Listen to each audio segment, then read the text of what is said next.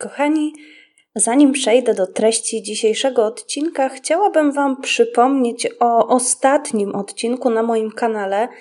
E, tytuł jego brzmi Bez Sprawiedliwości i dotyczy sprawy Moniki i Januszka Faszczewskich z Jeniek. Z treści tego filmu możecie dowiedzieć się, kto jest tajemniczym świadkiem prokuratury, dzięki któremu udało się wskazać potencjalnego sprawcę tego podwójnego zabójstwa. Dowiecie się również, dlaczego w tej sprawie nie doszło do procesu, a odcinek ten został zrealizowany wspólnie z panem Adamem Kwietniem, twórcą zbrodni z archiwum X. Serdecznie Was e, zapraszam. Link oczywiście znajdziecie w opisie. Jeśli zaś chodzi o niniejszy odcinek, e, jest to już jego druga wersja. E, część z Was z pewnością oglądała już u mnie odcinek o Madzi Mackiewicz, jednak w tamtym filmie opierałam się na doniesieniach medialnych i na ich podstawie powstał też scenariusz. Został zrealizowany ten odcinek właśnie na materiałach, które dostępne były w internecie. Po publikacji odezwała się do mnie mama Magdy, pani Małgorzata Mackiewicz, której treść filmu, delikatnie mówiąc, nie spodobała się, e, ponieważ pojawiało się w nim wiele nieścisłości. Na szczęście udało nam się porozmawiać i wspólnie doszłyśmy do wniosku, że najlepiej będzie zrobić ten film od nowa, a nie na przykład e, dograć jakieś sprostowanie. W najnowszym numerze magazynu Reporter również pojawił się już artykuł o Madzi. Był on autoryzowany i również scenariusz do tego dzisiejszego odcinka został zaakceptowany przez mamę Magdę. Zapraszam Was już do zapoznania się z historią Magdy Mackiewicz. W Wielgowie we wschodniej części Szczecina mieszkali państwo Mackiewiczowie. Rodzina składała się z mamy Małgorzaty, taty Tomasza oraz trójki dzieci. W 2004 roku najstarsza z córek Magdalena miała 12 lat, jej młodsza siostra Martynka 10, a brat Michał był czterolatkiem. Wielgowo to część Szczecina. Osiedle jest otoczone lasami Puszczy Goleniowskiej. Samo Wielgowo jest natomiast osiedlem z zabudową jednorodzinną. Przez miejscowych ta część Szczecina nazywana jest sypialnią miasta. W takim właśnie otoczeniu wychowywała się Magda Mackiewicz, zdolna, rezolutna dziewczynka, zaangażowana w wiele projektów kulturalnych i marząca o zrobieniu w życiu czegoś niezwykłego. Dziewczynka udzielała się w harcerstwie, śpiewała w chórze kościelnym i była bardzo radosnym dzieckiem. Madzia była dziewczynką bardzo zdolną, brała udział w olimpiadach matematycznych. W 2004 roku była przed nią również olimpiada z języka polskiego. Madzia chętnie pomagała innym, ale sama o pomoc prosiła rzadko. Czasami Madzia prosiła mamę o pomoc w wytłumaczeniu pewnych zagadnień e, z matematyki. Dziewczynka miała naturę opiekunki i doskonale odnajdywała się w roli starszej siostry. Bardzo się opiekowała swoim rodzeństwem i ona bardzo lubiła się z Michałem myć. Lubiła go kłaść z się do łóżka i mu czytać bajki, co zawsze ja robiłam wszystkim dzieciom, tak? Wiadomo, mm -hmm. czytałam bajki, y, usypiałam, Michałowi również, ale ona, ja pamiętam jednego razu jej mówię, Madziu, ale y, masz rano do szkoły, idź kochanie, mówię, ja to zrobię, ja Michała uśpię. A ona mi powiedziała tak, mamusiu, ale to jest takie wspaniałe uczucie, kiedy takie małe dziecko z taką ufnością się do ciebie przytula i zasypia. Mówi tak, że pozwól mi, a jak y, Michał zaśnie, to przeprowadzisz mnie na śpiku. No i ja tak robiłam, że po prostu przychodziłam, ona już też spała, więc ją brałam za rękę i ona taka tylko oka niewybudzona, tak, zaspana i ja ją prowadziłam na dół do jej pokoju, do jej łóżka. Madzia była bardzo samodzielna, lubiła pomagać innym i z tego była znana. Madzia jak skończyła 11 lat, pewnego dnia do mnie powiedziała tak, mamo, ja już jestem tak duża, że mówi, wiesz, to już nawet nie wypada, żebyś ty rano wstawała i mnie budziła i żebyś ty mi szykowała śniadanie jak małemu dziecku. Mówi, mhm. dlatego ja od teraz, mówi, zacznę sama wstawać i sama się będę szykowała do szkoły. No to co mi pozostało? No przecież nie, że tak powiem, nie będę tłamsiła tak, dziecka, tak. skoro się taka tak czuje, no, że, mhm. że, że, że jest w stanie sama sobie ze wszystkim poradzić. Oczywiście, że nastawiałam sobie budzik i sprawdzałam, czy ona wstanie, czy faktycznie da radę, nie? To mhm.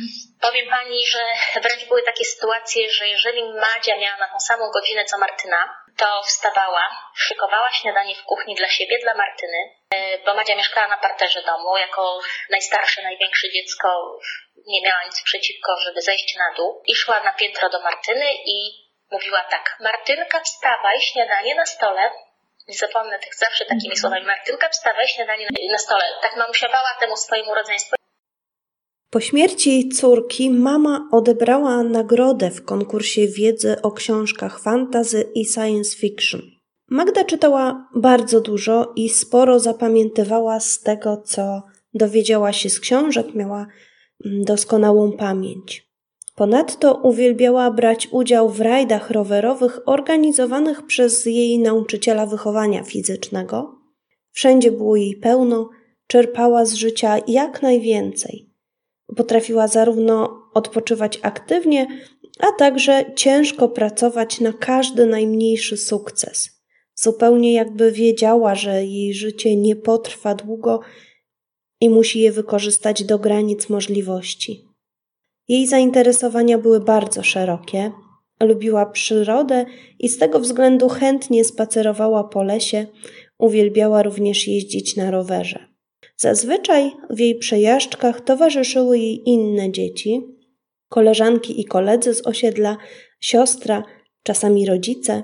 Nawet droga do szkoły przebiegała wzdłuż lasu, więc było to środowisko doskonale znane wielgowskim dzieciom.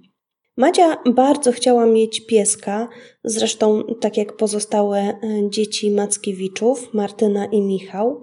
W domu zazwyczaj był jakiś piesek, ale w pewnym momencie mm, nie mieli żadnego. Dzieci poprosiły rodziców, żeby jakiegoś e, psiaka przygarnąć, i pani Małgosia wraz z panem Tomaszem umówili się, że wezmą e, jakiegoś psa z hodowli, ale nie uprzedzili o tym dzieci. To miała być dla nich niespodzianka, i kiedy pewnego dnia rodzice byli z Madzią u lekarza, pojechali po wizycie do znajomych hodowców. Magda wzięła wówczas na ręce jednego z piesków i bardzo jej się on spodobał. W czasie, kiedy rodzice rozmawiali ze znajomymi hodowcami, Magda bawiła się z tym pieskiem i bardzo go polubiła.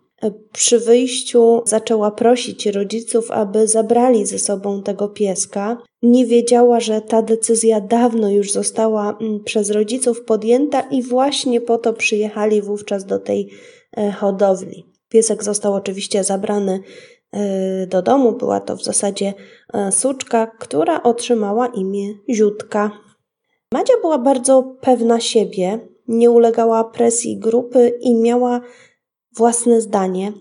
Rodzeństwo było dla niej najważniejsze. Jej rówieśnicy nie zadawali się z młodszymi dziećmi, ale Magda zawsze szanowała swoje młodsze rodzeństwo i tego też wymagała od swoich e, koleżanek i kolegów. Jak wspomniałam, Magda należała do chóru kościelnego i do tego chóru należała również Martynka, jej młodsza siostra. I dziewczynki razem udały się na uroczystą mszę świętą z okazji Wielkanocy 11 kwietnia 2004 roku oraz następnego dnia, w poniedziałek wielkanocny, e, dziewczynki ponownie zaśpiewały w miejscowym e, kościele. Rodzice byli e, z córek bardzo dumni.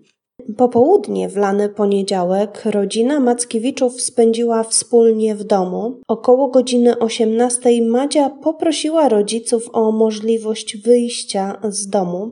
Pogoda tego dnia nie była najlepsza i mama nie była przychylnie nastawiona do prośby, ale Madzia tak bardzo prosiła, że rodzice zgodzili się na wyjście. I tego dnia Mackiewiczów mieli odwiedzić znajomi z dziećmi, ale zmieniły im się plany. Gdyby przyszli, Magda pewnie zostałaby w domu. Jednak z uwagi na to, że goście się nie pojawili, Madzia postanowiła wyjść z domu i pojeździć na rowerze. Zatem o godzinie 18 dziewczynka za zgodą rodziców wychodzi z domu. Bierze swój rower i udaje się w kierunku domu swojej koleżanki Ani. Nie wiadomo, czy dziewczynki wcześniej umówiły się na spotkanie, czy było to bardziej spontaniczne wyjście ze strony Madzi. W każdym razie Magda wyjeżdża na swoim rowerze z domu i jedzie w kierunku domu koleżanki. Ku swojemu rozczarowaniu nie zastaje jej w domu. Później okaże się, że Ania wyjechała wraz ze swoją mamą odwiedzić dziadka, ojca swojej mamy. Madzia postanowiła jednak nie rezygnować z przejażdżki tylko dlatego, że koleżanka jest nieobecna. Samotnie jeździła po okolicy, jazda dawała jej wiele radości, dlatego po upływie godziny, kiedy według ustaleń z rodzicami miała pojawić się w domu, postanowiła poprosić o przedłużenie swojego wyjścia o kolejną godzinę. Weszła do domu i stanęła w progu. Tata był w kuchni, a mama myła ręce w łazience. Madzia zapytała bardzo radosnym głosem, czy może jeszcze godzinę pojeździć na rowerze. Zarówno mama, jak i tata Madzi wyrazili zgodę na jej wyjście. Tata widział wówczas córkę po raz ostatni w życiu. Mama nawet jej nie zobaczyła. Rozmawiały przez zamknięte drzwi łazienki, w której pani Małgorzata myła ręce. Madzia ponownie wskoczyła na rower i pojechała na przejażdżkę. Miała wrócić do domu o godzinie 20. Przy sobie miała zegarek taty, który miał zepsute zapięcie i dziewczynka schowała go do kieszeni kurtki.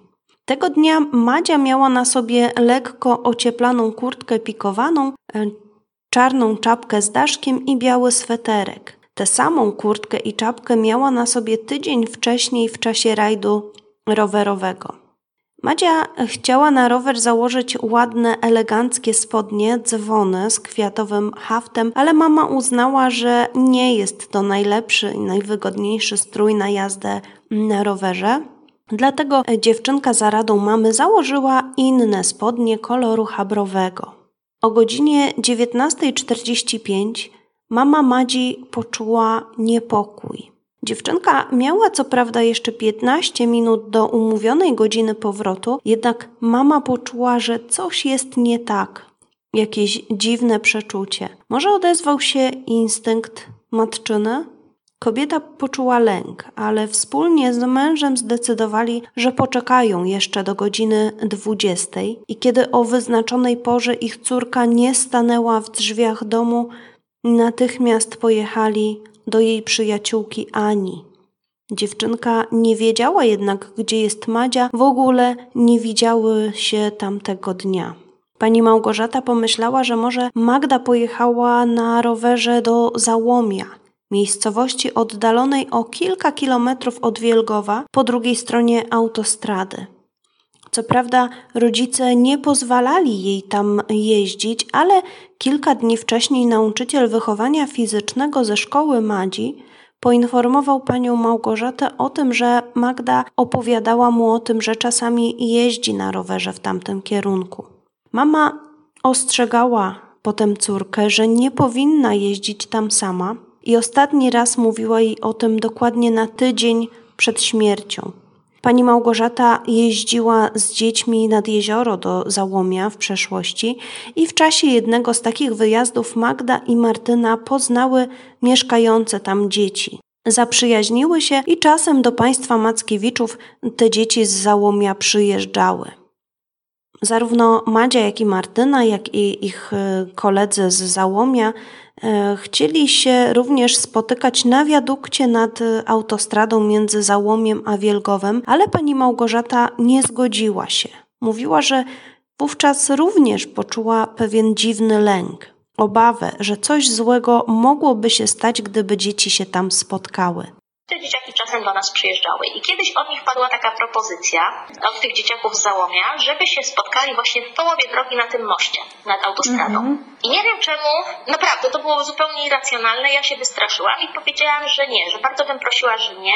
Coś oni się tam raz mówili, ja powiedziałam, to dobrze, to wiecie co, ja z wami pojadę, ja was zawiozę samochodem, ja sobie będę siedziała w samochodzie i czytała książkę, wy sobie tam posiedźcie na tym moście, pogadajcie i tak dalej.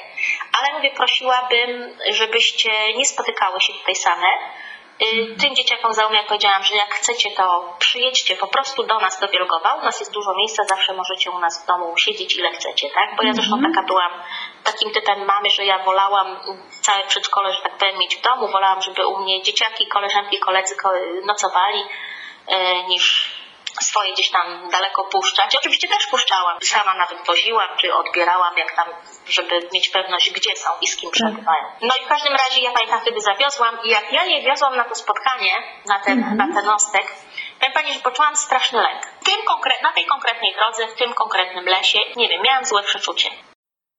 Między godziną 20.15 a 20.30 rodzice jechali już samochodem w kierunku Załomia. Podejrzewali, że Magda mogła udać się w tamtą stronę.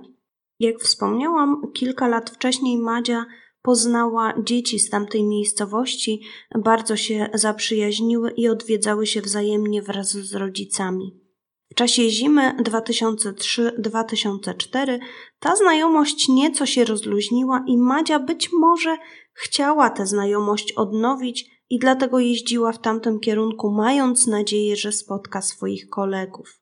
Pani Małgorzata miała uchylone w samochodzie okno, bardzo powoli jechała drogą przy lesie i wołała Madzie, ale odpowiadało jej tylko echo. Dwunastoletniej córki nigdzie nie było widać ani słychać. Na dworze nie było co prawda jeszcze mm, ciemno, ale dzień zbliżał się już ku końcowi. Widoczność mimo tego była jeszcze całkiem spora. Wkrótce do poszukiwań wnuczki dołączył również dziadek Madzi, następnie pojawili się również sąsiedzi i znajomi. Natychmiast zaalarmowano również policję i na miejscu poszukiwań zjawił się jednak tylko jeden radiowóz z dwuosobowym patrolem. Pani Małgorzata wsiadła do policyjnego samochodu i razem zaczęli jeździć po okolicy. W pewnym momencie dojechali do mostu, do wiaduktu nad autostradą. Mama Madzi wysiadła z pojazdu i świecąc sobie latarką, szukała czegokolwiek, co pozwoliłoby stwierdzić, czy jej córka była w tej okolicy. W środku nocy pani Małgorzata natknęła się na napis ułożony z patyków i brzmiał on M. Mackiewicz i znajdował się na wiadukcie na drodze między Wielgowem a Załomiem i napis ten był ułożony na moście przy chodniku blisko barierek po prawej stronie patrząc w stronę Wielgowa. Mama Magdy szła z latarką po tej stronie, szukając śladów obecności swojej córki i dosłownie wpadła na ten napis. Pani Małgosia przypuszcza, że Magda zrobiła ten napis, żeby zostawić wiadomość dla swoich przyjaciół z załomia, że ona czasami bywa w tym miejscu. Wiadomo było już zatem, że Magdalena była w tej okolicy, że dotarła na wiadukt w kierunku załomia. Sprowadzono zatem błyskawicznie przewodnika z psem tropiącym oraz dodatkowych policjantów. Pies jednak nie doprowadził policjantów do Magdy i na tym zakończyły się nocne poszukiwania dziewczynki. Miały one zostać wznowione następnego ranka. Policjanci odwieźli więc mamę do domu i mogło być wówczas około godziny drugiej w nocy. Rodzice nie mogli jednak e, spać spokojnie, martwiąc się o Madzie. Chcieli czym prędzej wznowić poszukiwania i około godziny siódmej rano do państwa e, Mackiewiczów zadzwonił ich znajomy o imieniu Krzysztof. Powiedział, że szedł wraz ze swoim kolegą do pracy, do Załomia i w rozmowie telefonicznej przekazał rodzicom Magdy informację o tym, że na gałęzi jednego z drzew zauważył wiszące wysoko niebieskie spodnie. Rodzice natychmiast udali się w to miejsce i na drodze, kilkanaście metrów od, od, drzewa, na którym wisiały spodnie, znaleziono również zegarek, który Madzia miała przy sobie. Rodzice wiedzieli, że Madzia musi być gdzieś blisko. Podzielili się zatem na dwie grupy. Po jednej stronie w lesie Magdę szukała mama z panem Krzysztofem, a po przeciwnej stronie drogi kolega pana Krzysztofa oraz tata Magdy. W lesie było cicho.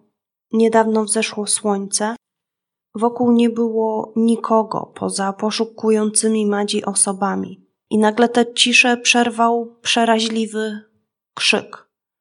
To był pan Tomasz, tata Magdy. Gdy jego głos dotarł do uszu pani Małgorzaty, kobieta wiedziała już, co to oznacza.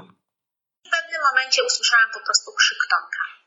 Jak usłyszałam jego krzyk, to zaczęłam cała krzyczeć, moje biedne dziecko, i zaczęłam biec w tamtą stronę. Pamiętam, że Krzysiek jak usłyszał mój, krzy, mój krzyk, to zwymiotował, przez co zresztą był bardzo długo podejrzany przez policję, bo mówią, że tak e, często mordercy postępują, że mhm. pomagają w poszukiwaniach, tak, że nie wytrzymał, tak. zwymiotował. No ale oczywiście później się okazało, że on nie miał nic z tym wspólnego, tak? No ale, mhm. ale mówię, takie między innymi zmy, zmyłki były i takie podejrzenia, bo nikt nic nie wiedział. W każdym razie pobiegliśmy tam, Ciało było y, przeniesione przez mordercę dużo głębiej w las.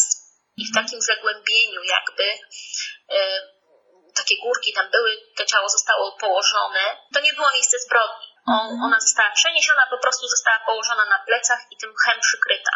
Mhm. Wystawał jej spod mchu czubek głowy, czoło i lewe ramię. Reszta ciała była całkowicie przykryta. Dokładne miejsce zbrodni to jest miejsce w tym, w którym wisiały spodnie.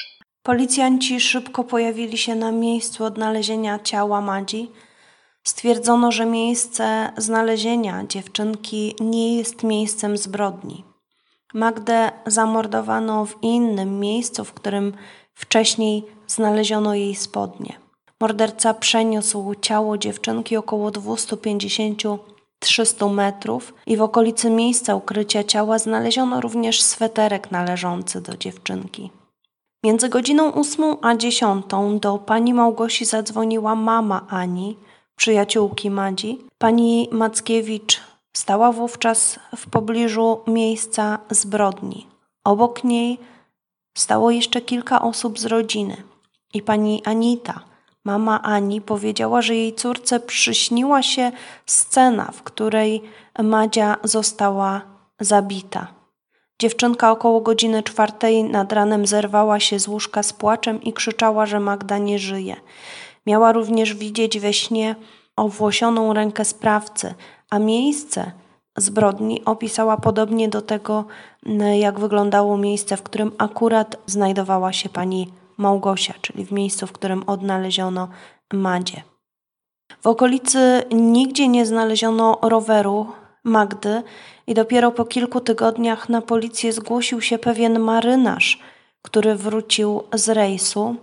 Twierdził on, że znalazł rower dziewczynki po zabójstwie, ale nie zdawał sobie sprawy, że w okolicy miała miejsce zbrodnia i że rower może należeć do ofiary.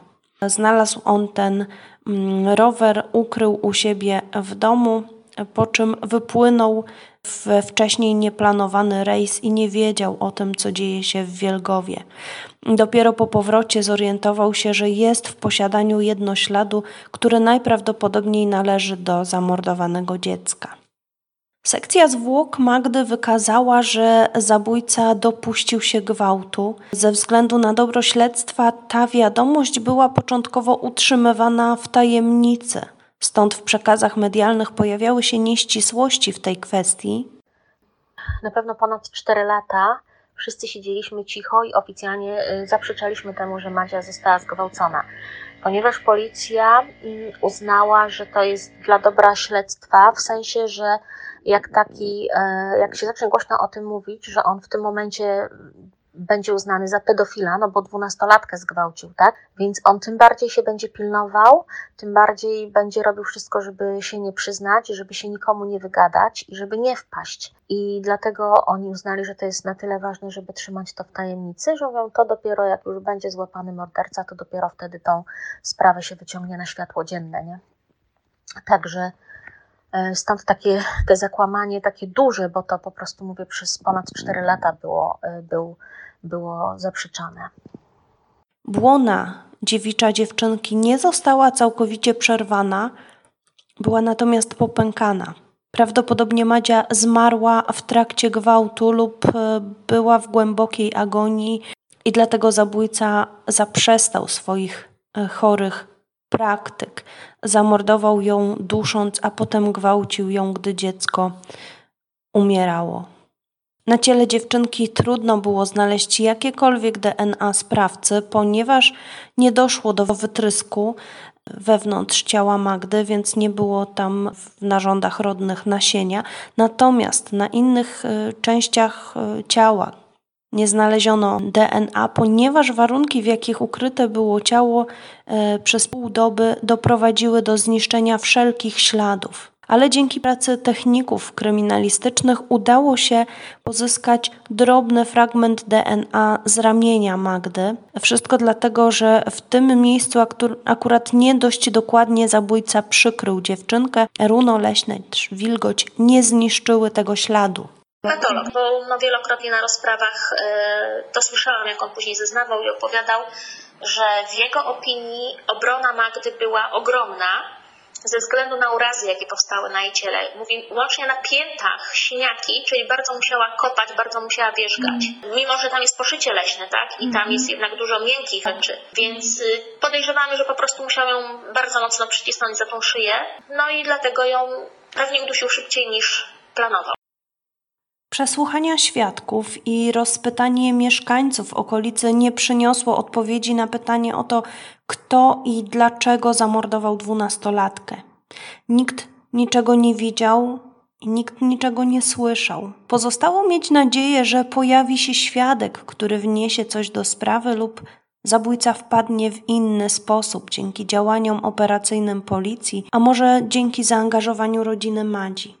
W sprawie co prawda pojawił się portret pamięciowy mężczyzny widzianego w okolicy miejsca zabójstwa. Nikt jednak nie rozpoznał tego człowieka i nie wiadomo nawet, czy portret rzeczywiście przedstawiał sprawcę. Pierwsze dni po śmierci córki były dla rodziny Magdy czymś potwornym. Przede wszystkim trudno było uwierzyć, że to wszystko się wydarzyło. Państwo Mackiewiczowie musieli pochować swoje pierworodne dziecko, a mieli jeszcze przecież obowiązki związane z wychowaniem dwójki młodszych dzieci, żeby nie poczuły się w żaden sposób zaniedbane. Na pogrzebie Madzi pojawiły się tłumy ludzi. Wszyscy chcieli pożegnać dziecko, które straciło życie z rąk okrutnego potwora. Spodnie, które w dniu swojej śmierci Madzia chciała założyć idąc na rower, mama założyła jej do trumny. Po pogrzebie ból nie zniknął. Łzy towarzyszyły mamie każdego dnia. Starała się jednak płakać wtedy, kiedy dzieci były w szkole czy przedszkolu. Codziennie przez pół roku chodziła na cmentarz. Zazwyczaj sama, ale czasami zabierała Martynę i Michała. Nabawiła się kłopotów ze snem, ciągle myślała o tym, jak jej dziecko umierało. I wtedy jeszcze nie zdawała sobie sprawy z tego, jak ważne jest w takiej sytuacji wsparcie ze strony innych osieroconych rodziców. Ta świadomość dla rodziców po stracie dziecka jest bardzo ważna. Oni nie mogą pozostawać sami ze swoim bólem, ponieważ tylko ci, którzy przeżyli podobną tragedię, będą w stanie ich zrozumieć. Po śmierci Madzi rodzina Mackiewiczów była też pod ciągłą obserwacją mediów. Również ludzie z okolicy obserwowali ich poczynania, a Mackiewiczowie wciąż nie znali odpowiedzi na pytanie, kto zabił Madzie. Zastanawiali się, czy któryś z mijanych na ulicy mężczyzn nie jest zabójcą ich córki czy siostry. W artykułach medialnych pojawiały się sugestie, że Martyna wielokrotnie zadawała mamie pytanie, czy gdyby to ona zmarła, to czy mama płakałaby po niej tak samo jak po Madzi. Obie kobiety zaprzeczają, by Martyna kiedykolwiek zadała mamie to pytanie wprost. Miała natomiast podobną rozmowę przeprowadzić ze swoją babcią. Zobacz Martynka, spójrz na dłoń. Masz pięć palców i to jest tak, jeden palec to tata, mama. Potem Madzia, ty i Michał, pięć palców. I teraz wyobraź sobie, że obcinamy jeden palec. I teraz pomyśl, czy jak obcięcie, nie wiem, wskazującego czy serdecznego, czy bolałoby inaczej, czy bolałoby tak samo? No i Martyna powiedziała, że nie, że bolałoby tak samo jej zdaniem. No i co się okazuje, ona te pytanie zadała mojej mamie. I moja mama właśnie taką fajną, takie fajne to porównanie zrobiła, tak fajnie opowiedziała właśnie o tej dłoni, że obrazowo do niej dotarła, że ból jest taki sam. Natomiast Martyna mówi, że ona takiego pytania by mi nie zadała, bo nie chciałaby mi zrobić przykrości, żebym ja sobie nie pomyślała, że ona myśli, że ja jej nie kocham. Teraz mhm. powiedziała. Oczywiście, że takie myśli mhm. miała, ale chyba każdy by miał. Nie ma człowieka, który w takiej sytuacji by nie zastanawiał się, a jakby na mnie rodzice mhm. zareagowali. Nawet, nawet jak się nie wydarzy taka trauma, to, to też y, jak, jak jest rodzeństwo, to ludzie często myślą sobie, a może mojego, mojego brata czy tam moją siostrę bardziej kochają, tak? Bo inaczej okazują było wiele takich szmatławców. Wypisywali po prostu wyssane rzeczy. Gdzieś tam przeczytali na przykład w Kurierze w Głosie, gdzie udzieliłam wywiadu, mhm. Y, wyrwali z kontekstu jakieś zdanie i dopisywali sobie historyjkę. Potrafili stać za drzewami, wyskakiwać z nienacka mhm. i później na przykład taki do mnie podchodził, czy on by mógłby mi zadać parę pytań. To ja powiedziałam, że nie. Ja już czytałam, mówię, co wy tam wpisaliście za bzdury powymyślane, powysysane z palca i mówię, skoro mówię, jesteście tak nierzetelni, takie rzeczy robicie i pisaliście już bez rozmowy ze mną, to piszcie sobie dalej bez rozmowy ze mną. Po prostu, nie? I, i tak to wyglądało. 21 maja 2008 roku, cztery lata po śmierci Magdy, państwo Mackiewiczowie dowiedzieli się, że policja zatrzymała zabójcę ich córki. Było to na dzień przed szesnastymi urodzinami Magdy. Zabójcą okazał się być Mariusz S., mężczyzna wcześniej mieszkający w okolicy, a który po zabójstwie wyjechał ze Szczecina. Rodzina S., z której wywodził się Mariusz, miała przeszłość kryminalną. Jego brat był wcześniej wielokrotnie karany, ojciec y, też miewał problemy z prawem. Matka Mariusza w 2002 roku, na dwa lata przed y, śmiercią Madzi, popełniła samobójstwo. W rodzinie nie brakowało alkoholu oraz częstych awantur. Tak jak powiedział patolog sądowy, warunki mm, bardzo sprzyjały, mm, warunki atmosferyczne bardzo sprzyjały mordercy. Bo jak on miał mhm. przykryty mchem, tam jest wilgoć, tam była ziemia nad ranem, więc po prostu jakiekolwiek mm, ślady DNA, to wtedy po prostu giną giną w tych, w tych warunkach atmosferycznych. Natomiast właśnie ten kawałek ramienia wystawał, nie był przykryty i prawdopodobnie w tym miejscu właśnie wy, wyodrębnili DNA. Od razu mhm. wiedzieli, że to jest męskie, że na pewno to nie jest kobiece DNA, na pewno jest to męskie, natomiast nie wiedzieli nic poza tym. Dlatego, że na tamten dzień po prostu sprzęt i metody bada, badawcze, że ta niewielka ilość, bo była bardzo niewielka ilość tego DNA, bardzo skromna, nie pozwalała na żadne dokładniejsze badania. Wbrew temu, co mówią media, Mackiewiczowie nie znali Mariusza S. Nie był ich sąsiadem, jak sugerowały to artykuły prasowe. Owszem, mieszkał w okolicy. Pani Małgorzata kojarzyła nawet z widzenia jego ojca. Najmłodszy brat Mariusza chodził do zerówki z Martyną, a drugi z braci chodził do jednej klasy z siostrą pani Małgorzaty. Ale Mariusza nie znali. W dniu zabójstwa Madzi u ojca Mariusza S. przebywał jego dziesięcioletni wówczas syn Patryk. Matka chłopca nie żyła, jak niej popełniła samobójstwo, po czym Patryk trafił do domu dziecka. Ogólnie w czasie przesłuchań Mariusz S. podał siedem wersji przebiegu zdarzeń w sprawie zabójstwa Madzi. I gdyby w istocie był niewinny, można byłoby przypuszczać, że powiedziałby po prostu, że to nie on, że trzeba szukać sprawcy dalej, a Mariusz S. zmieniał zeznania wielokrotnie, za każdym razem podając inne szczegóły tego um, morderstwa. Z tego, co się opowiada, to Maria jechała, bo w tym miejscu ta ziemia w lesie już teraz przekopana. Ona już wygląda mhm. zupełnie inaczej. W tym miejscu, w którym Magda miała pierwszy kontakt, to była górka. Na mhm. drodze była górka, a pobocze, yy, tam gdzie drzewa rosną, jeszcze wyższa górka, tak? Tak jakby ale no jakby nie było, Magda musiała wjechać na taką górkę i ta górka była bardzo piaszczysta. Na zdrowy rozum mogło jej zarzucić rower i oponę. Na podstawie tego, co on opowiedział, no to oni też już e, wiadomo, jako, jako ludzie doświadczeni wyciągnęli wnioski, jak to wyglądało. Więc e, sam powiedział im, że Magdzie zarzuciło chyba bodajże tylny, tylne koło. I ona tym tylnym kołem go właśnie w jakiś sposób obtarła, dotknęła. I Teraz ja nieraz mówiłam, że strasznie żałuję, że Madzia była tak dobrze wychowanym dzieckiem, że nie miała, że tak powiem kolokwialnie, wywalone na to i nie pojechała sobie dalej, bo dzisiaj może by żyła. A powiedział, że ona się zatrzymała, stanęła po to, żeby go przeprosić. Takie były jego słowa. Gdyby nie stanęła, to by jej nie dopadł. A jak ona stanęła i zaczęła go przepraszać, to on właśnie mówił, że jakiś diabeł w niego wstąpił, że ciemno przed oczyma mu się zrobiło i wtedy ją dopadł, tak? Wtedy ją właśnie złapał tam za szyję, za gardło yy, i uderzył ją w głowę. Yy, prawdopodobnie wtedy jej ten zegarek musiał yy, wypaść. To było właśnie takie jego najpierwsze zeznanie. On później mówił właśnie, że ona uciekała, zaczęła uciekać i że się uderzyła głową, bo ona miała wylew podpajęczynówkowy mm-hmm. według sekcji zwłok, więc że ona się nie uderzyła w te drzewo. W rzeczywistości w pierwszej wersji powiedział, że on ją uderzył w głowę, więc prawdopodobnie to on jej zadał jakiś tam tak. cios w głowę, nie? Pewnie pięścią. Mm-hmm. I było tak właśnie, jak opowiadał, że z kimś zupełnie obcym pił jakąś wódkę i Y, on poprosił o papierosa, że nie miał, już mu się teraz tak plącze, tam coś o papierosy chodziło. Mm-hmm. W każdym razie, jak się pobił z tym kimś, to ten ktoś go natłukł. Okazało się, że był słabszy i dostał po prostu w pierdziel od tego kogoś. I mhm. on dlatego był taki nabuzowany i taki wściekły, że później jak ta magia mu się napatoczyła, on na niej wyładował właśnie za to, że on był pobity, no to teraz on kogoś pobije. Mhm. Więc, więc tak to było. W czasie pierwszej rozprawy w sądzie okręgowym Mariusz S. miał adwokata z urzędu. Wydano wówczas y, wyrok dożywotniego pozbawienia wolności dla tego mężczyzny za zabójstwo Magdy. Y, Mariusz S. odwołał się od wyroku do sądu apelacyjnego.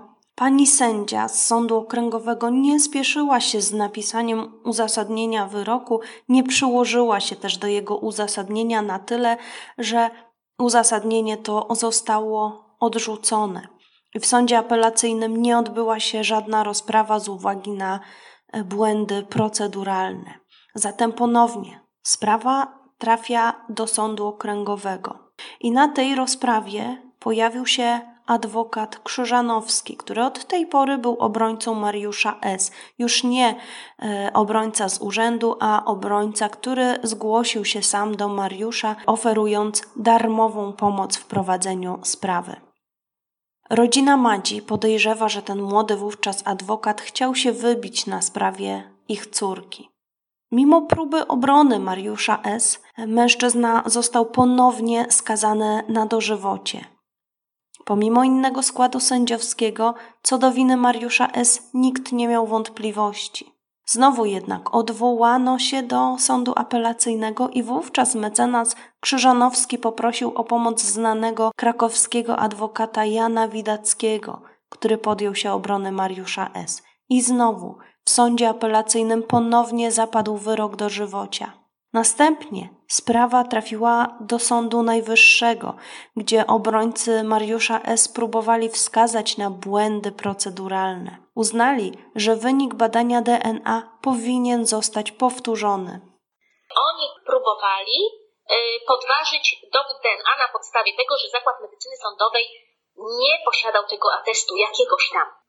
Więc, bo widzieli, że nie radzą sobie, że, że tak jakby cokolwiek by nie mówili, cokolwiek by nie robili, to mhm. przegrywają, tak? Ich argumenty przegrywają z faktami, które miały miejsce, z zeznaniami, e, z tym DNA.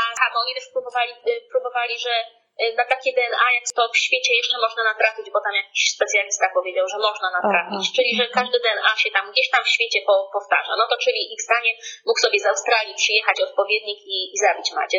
Więc po prostu imali się wszystkiego, już mówię, ja już teraz nawet pani powiem, ale na pewno była ta sytuacja, że jak już nie mogli samego sobie bronić, to się czerpili zakładu medycyny sądowej. Ale również sąd tego nie uznał. Bo powiem pani tak, gdyby oni nie mieli odpowiednich atestów, to w tym momencie teraz wszystkie sprawy wcześniejsze, wyroki, które zapadły na podstawie wyników, łącznie tak. ojcostwo, one musiałyby wszystkie zostać cofnięte i one wszystkie by upadły. Gdyby oni mieli rację, tak? Mm-hmm. To nie było, nie skończyłoby się tylko na sprawie Madzi. To wie no pani, co by się tam działo? Prawdopodobnie oni nie mieli jakiegoś rodzaju atestu, na które ten Widewski mm-hmm. wskazywał, ale to nie miało nic wspólnego z tym, mm-hmm. żeby oni nie mogli tego badania wiarygodnie wykazać. Tych nazw, jakiś tam, że tu europejski, a tu jakiś krajowy załóżmy, wie pani. Próbowali, wie pani, co jeszcze zrobić, żeby, e, że oni żądają ponownego badania. No i oni nie mhm. mogli uwierzyć, no jak to, że nie ma, że, już materiału genetycznego, to znaczy, że ktoś go zniszczył. A z drugiej strony, no oskarżyciel mówi, przecież to nie jest perpetuum mobile.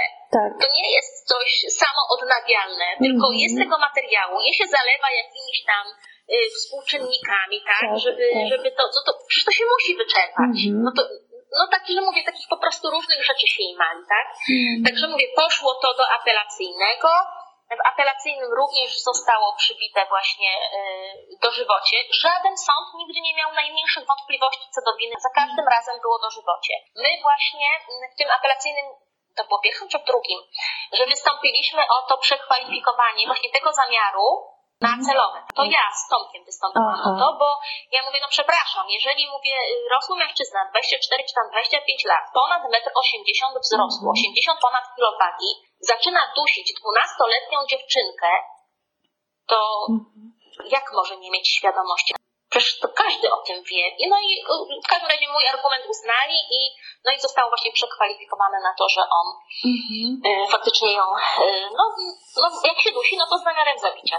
No i, i właśnie wtedy już poszło po raz ostatni, czyli po raz drugi do Sądu Najwyższego, gdzie również, mm, no już tam nie było żadnych wątpliwości, e, już nic nie wskurali ci obrońcy i, i wyrok ostatecznie zapadł. Mhm. Także mówię, trzy razy w okręgowym, e, dwa razy w apelacyjnym sprawy, które się odbyły, raz sprawa w apelacyjnym, która po prostu się nie odbyła, no bo, no bo nie mieli, mówię, tego uzasadnienia i dwa razy w sądzie najwyższym i to trwało 7 lat. 7 lat rozdrapywania ran. Także 6 lat temu my dopiero tak jakby zamknęliśmy to. Tego Mariusza złapali, bo zmieniły się metody śledcze. Jakieś tam udoskonaliły się, nie wiem, narzędzia, maszyny, które to robią.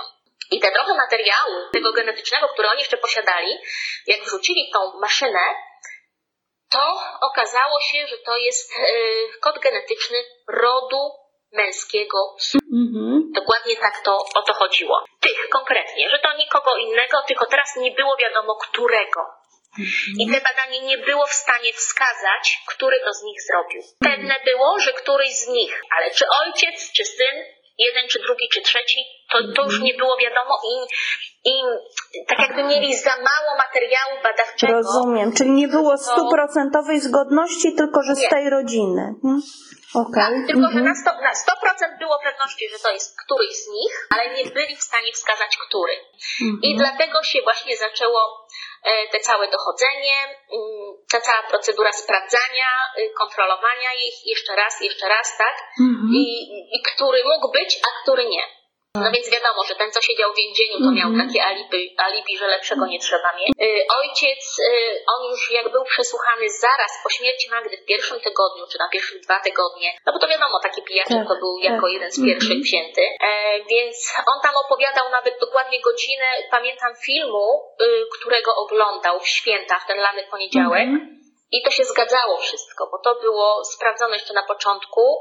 E, miał potwierdzenie, y, alibi miał od innych pijaczków, z którymi pił i którzy wtedy zaraz, chwilę po śmierci, tak opowiadali, że razem pili gdzieś tam pod mhm. sklepem, gdzie stali, co pili, tak. że on był z tym synem, bo tam nawet później jeden sąsiad się taki znalazł, który próbował y, posądzić, że to właśnie ten ojciec zabił mhm. Madzie, bo twierdził, że widział, jak on idzie i obejmuje dziewczynkę i prowadzi do swojego domu. I, on, i ten sąsiad wskazywał, że to miała być Madzia. Po pierwsze, y, no to ja jeszcze to musiałam zeznawać i mówiłam, że nie ma takiej opcji, żeby moja Madzia poszła z kimś obcym, dobrowolnie, gdziekolwiek, jeszcze mhm. dała się obejmować i się nie wyrywała, tak? Poza tym moja Madzia nie jest blondynką, a tamten chłopiec był blondynem, może i miał półdługie włosy, a Madzia była, to znaczy może ona była ciemną blondynką, szepynką, ja, tak jak ja, ale na pewno, wie pani, nie ten taki blond, mhm. blond, nie? Yy, więc, więc to tak wyglądało, że on też miał alibi ten mhm. ojciec. I później, tak jak mówi ten Patryk, no to miał 10 lat, ten właśnie chłopczyk, który no z nim szedł, więc no. Y, odpadał.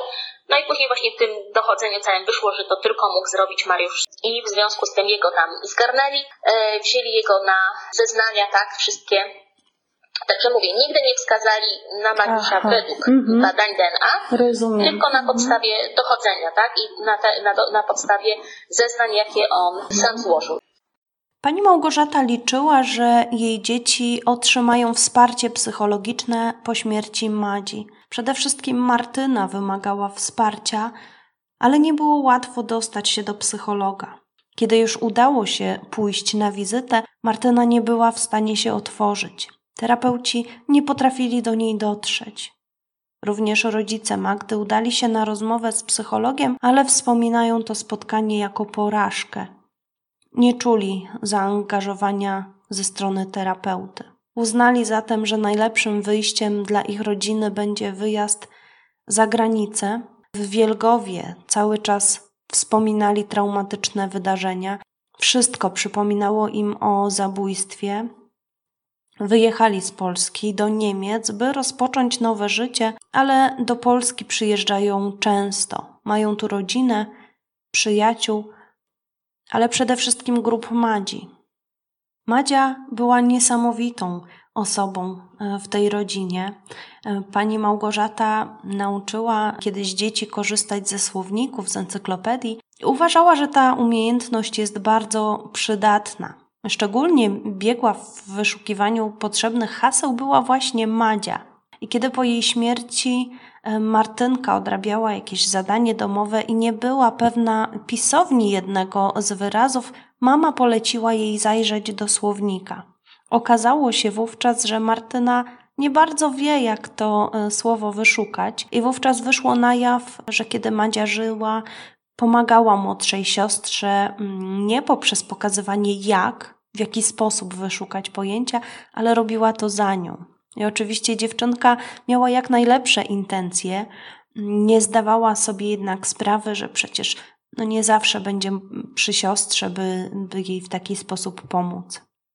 Z tego względu pani Małgorzata uznała, że musi pomóc Martynie nadrobić zaległości. Martyna zresztą również sama z własnej woli chciała więcej pracować i niejako w hołdzie zmarłej siostrze oddała się nauce, osiągając później świadectwo z czerwonym paskiem. Martyna dziś jest pielęgniarką. Bardzo ciężko pracowała, żeby przygotować się do zawodu. Mm, sporą trudność mogło stanowić opanowanie fachowego słownictwa z zakresu medycyny, ponieważ wcześniej mieszkała w Polsce i to tu chodziła do szkoły. Kiedy wyjeżdżała do Niemiec, by kontynuować tam swoją e, edukację, była już nastolatką. Musiała zatem nauczyć się nowego języka od podstaw, a kiedy przygotowywała się do zawodu pielęgniarki, musiała nauczyć się specjalistycznego języka medycznego, a wiadomo, że język niemiecki sam w sobie nie jest najłatwiejszy, a już e, to słownictwo specjalistyczne rzeczywiście wymaga bardzo dużego zaangażowania w naukę. Ale młoda kobieta chciała osiągnąć założony wcześniej cel i dążyła do niego. I rezultat był taki, że zdobyła upragniony zawód i doskonale odnalazła się w swojej pracy. Michał natomiast świetnie się uczył, e, był wzrokowcem i zanim poszedł do zerówki, potrafił już czytać. Zdarzało się, że czytał bajki swoim kolegom i koleżankom w zerówce. Kiedy Michał poszedł do zerówki, poznał w szkole nową koleżankę. Była od niego niewiele starsza, dwa może trzy lata. I gdy dowiedziała się, że Michał jest bra bratem Madzi, to powiedziała do niego, że Magda była jej przyjaciółką. Chłopiec e, zdziwił się, ponieważ jego siostra była sporo starsza od e, nowej koleżanki. Ta jednak opowiedziała mu historię o tym, jak pewnego dnia zapomniała odrobić zadanie domowe z matematyki i próbowała rozwiązać je w szkolnej toalecie przed lekcją. I w pewnym momencie podeszła do niej Madzia, pytając, co dziewczynka robi. Ta odpowiedziała, zgodnie z prawdą, że stara się szybko odrobić e, zapomniane zadanie domowe. Magda pomogła młodszej koleżance, czym wzbudziła podziw i sympatię u dziewczynki. Świadczy to o tym, jak empatyczną dziewczynką była Madzia. Michał bardzo chciał zostać piłkarzem, doskonale się w tym, w tym sporcie sprawdzał. Niestety problemy zdrowotne nie pozwoliły mu na, na kontynuowanie rozwoju, a miał do tego sportu ogromny talent i predyspozycje. Zawiedziony brakiem możliwości kontynuowania dalszej gry, zaczął więcej czasu spędzać na graniu w gry komputerowe, co zaowocowało tym, że chłopak błyskawicznie opanował, opanował język angielski i wkrótce wziął udział w olimpiadzie z języka angielskiego. Na test poszedł w zasadzie z marszu, bez wcześniejszego przygotowania i zajął drugie miejsce. Doskonale poradził sobie z zadaniami z zakresu gramatyki, natomiast nie był zupełnie przygotowany na zagadnienia dotyczące historii i kultury krajów anglojęzycznych. Dzieci państwa Mackiewiczów, pomimo tego, że straciły siostrę, były przez rodziców wychowywane w bardzo dobrych warunkach. Rodzice starali się zapewnić im bardzo dobre wsparcie, zarówno w kwestii emocjonalnej, jak i materialnej. W domu państwa Mackiewiczów wciąż piętrzą się albumy wypełnione zdjęciami dzieci, w tym również Magdy. Córka jest obecna we wspomnieniach i rozmowach, a o ogromnym bólu rodziny po śmierci dziewczynki świadczy list, który napisali do niej po śmierci i wyryli na tablicy nagrobnej. Kochana Madziu, byłaś całym naszym światem, pierwszym, wytęsknionym. Byłaś naszym objawieniem. W jednej chwili, pełnej strachu i przemocy, wszystko się skończyło. A my zostaliśmy, pokonani, pełni bólu i rozpaczy, bez nadziei Chcemy patrzeć w Twoje oczy, słyszeć Twój śmiech, przytulać Cię do siebie. Madziu, gdzie jesteś? Córeczko, jak mamy żyć bez Ciebie? Po śmierci Magdy Mackiewiczowie nigdy już nie byli takimi rodzicami jak wcześniej. Nie da się być tą samą osobą po przebytej traumie ale dla pozostałych dzieci rodzice starali się być jak najlepsi na tyle, na ile pozwalały na to ówczesne warunki i sytuacja, w jakiej się znaleźli. Po latach wciąż nie jest łatwo mówić o tej potwornej tragedii. Poczucie niesprawiedliwości związane z przerwaniem tak pięknego życia musi być ogromne i pewnie nigdy nie minie. Tym bardziej dziękuję Pani Małgorzacie za to, że zdecydowała się opowiedzieć historię Magdy. Spędziłyśmy ponad trzy godziny rozmawiając, a ta rozmowa była pełna emocji, pełna wzruszeń i pozwoliła mi zrozumieć, z jakimi trudnościami borykają się rodziny osób zamordowanych. Pani Małgosiu, bardzo dziękuję za udział w dzisiejszym odcinku. A Wam, drodzy słuchacze, bardzo dziękuję za wysłuchanie tego odcinka, bo była to sprawa szczególnie dla mnie trudna. Między innymi dlatego, że udało mi się porozmawiać z panią Małgosią i, i pani Małgosia okazała się niezwykle ciepłą, wrażliwą mm, osobą. Także liczę na, na ciepłe komentarze z waszej strony w stosunku do zarówno do pani Małgosi, jak i do pana Tomasza, ojca Magdy, do rodzeństwa Madzi, Martyny i Michała. Wiem, że macie w sobie dużo empatii, dlatego bardzo Was proszę o komentarze wsparcia tutaj pod filmem. A tymczasem dziękuję Wam już za wysłuchanie tego odcinka. Trzymajcie się ciepło i uważajcie na siebie. Cześć!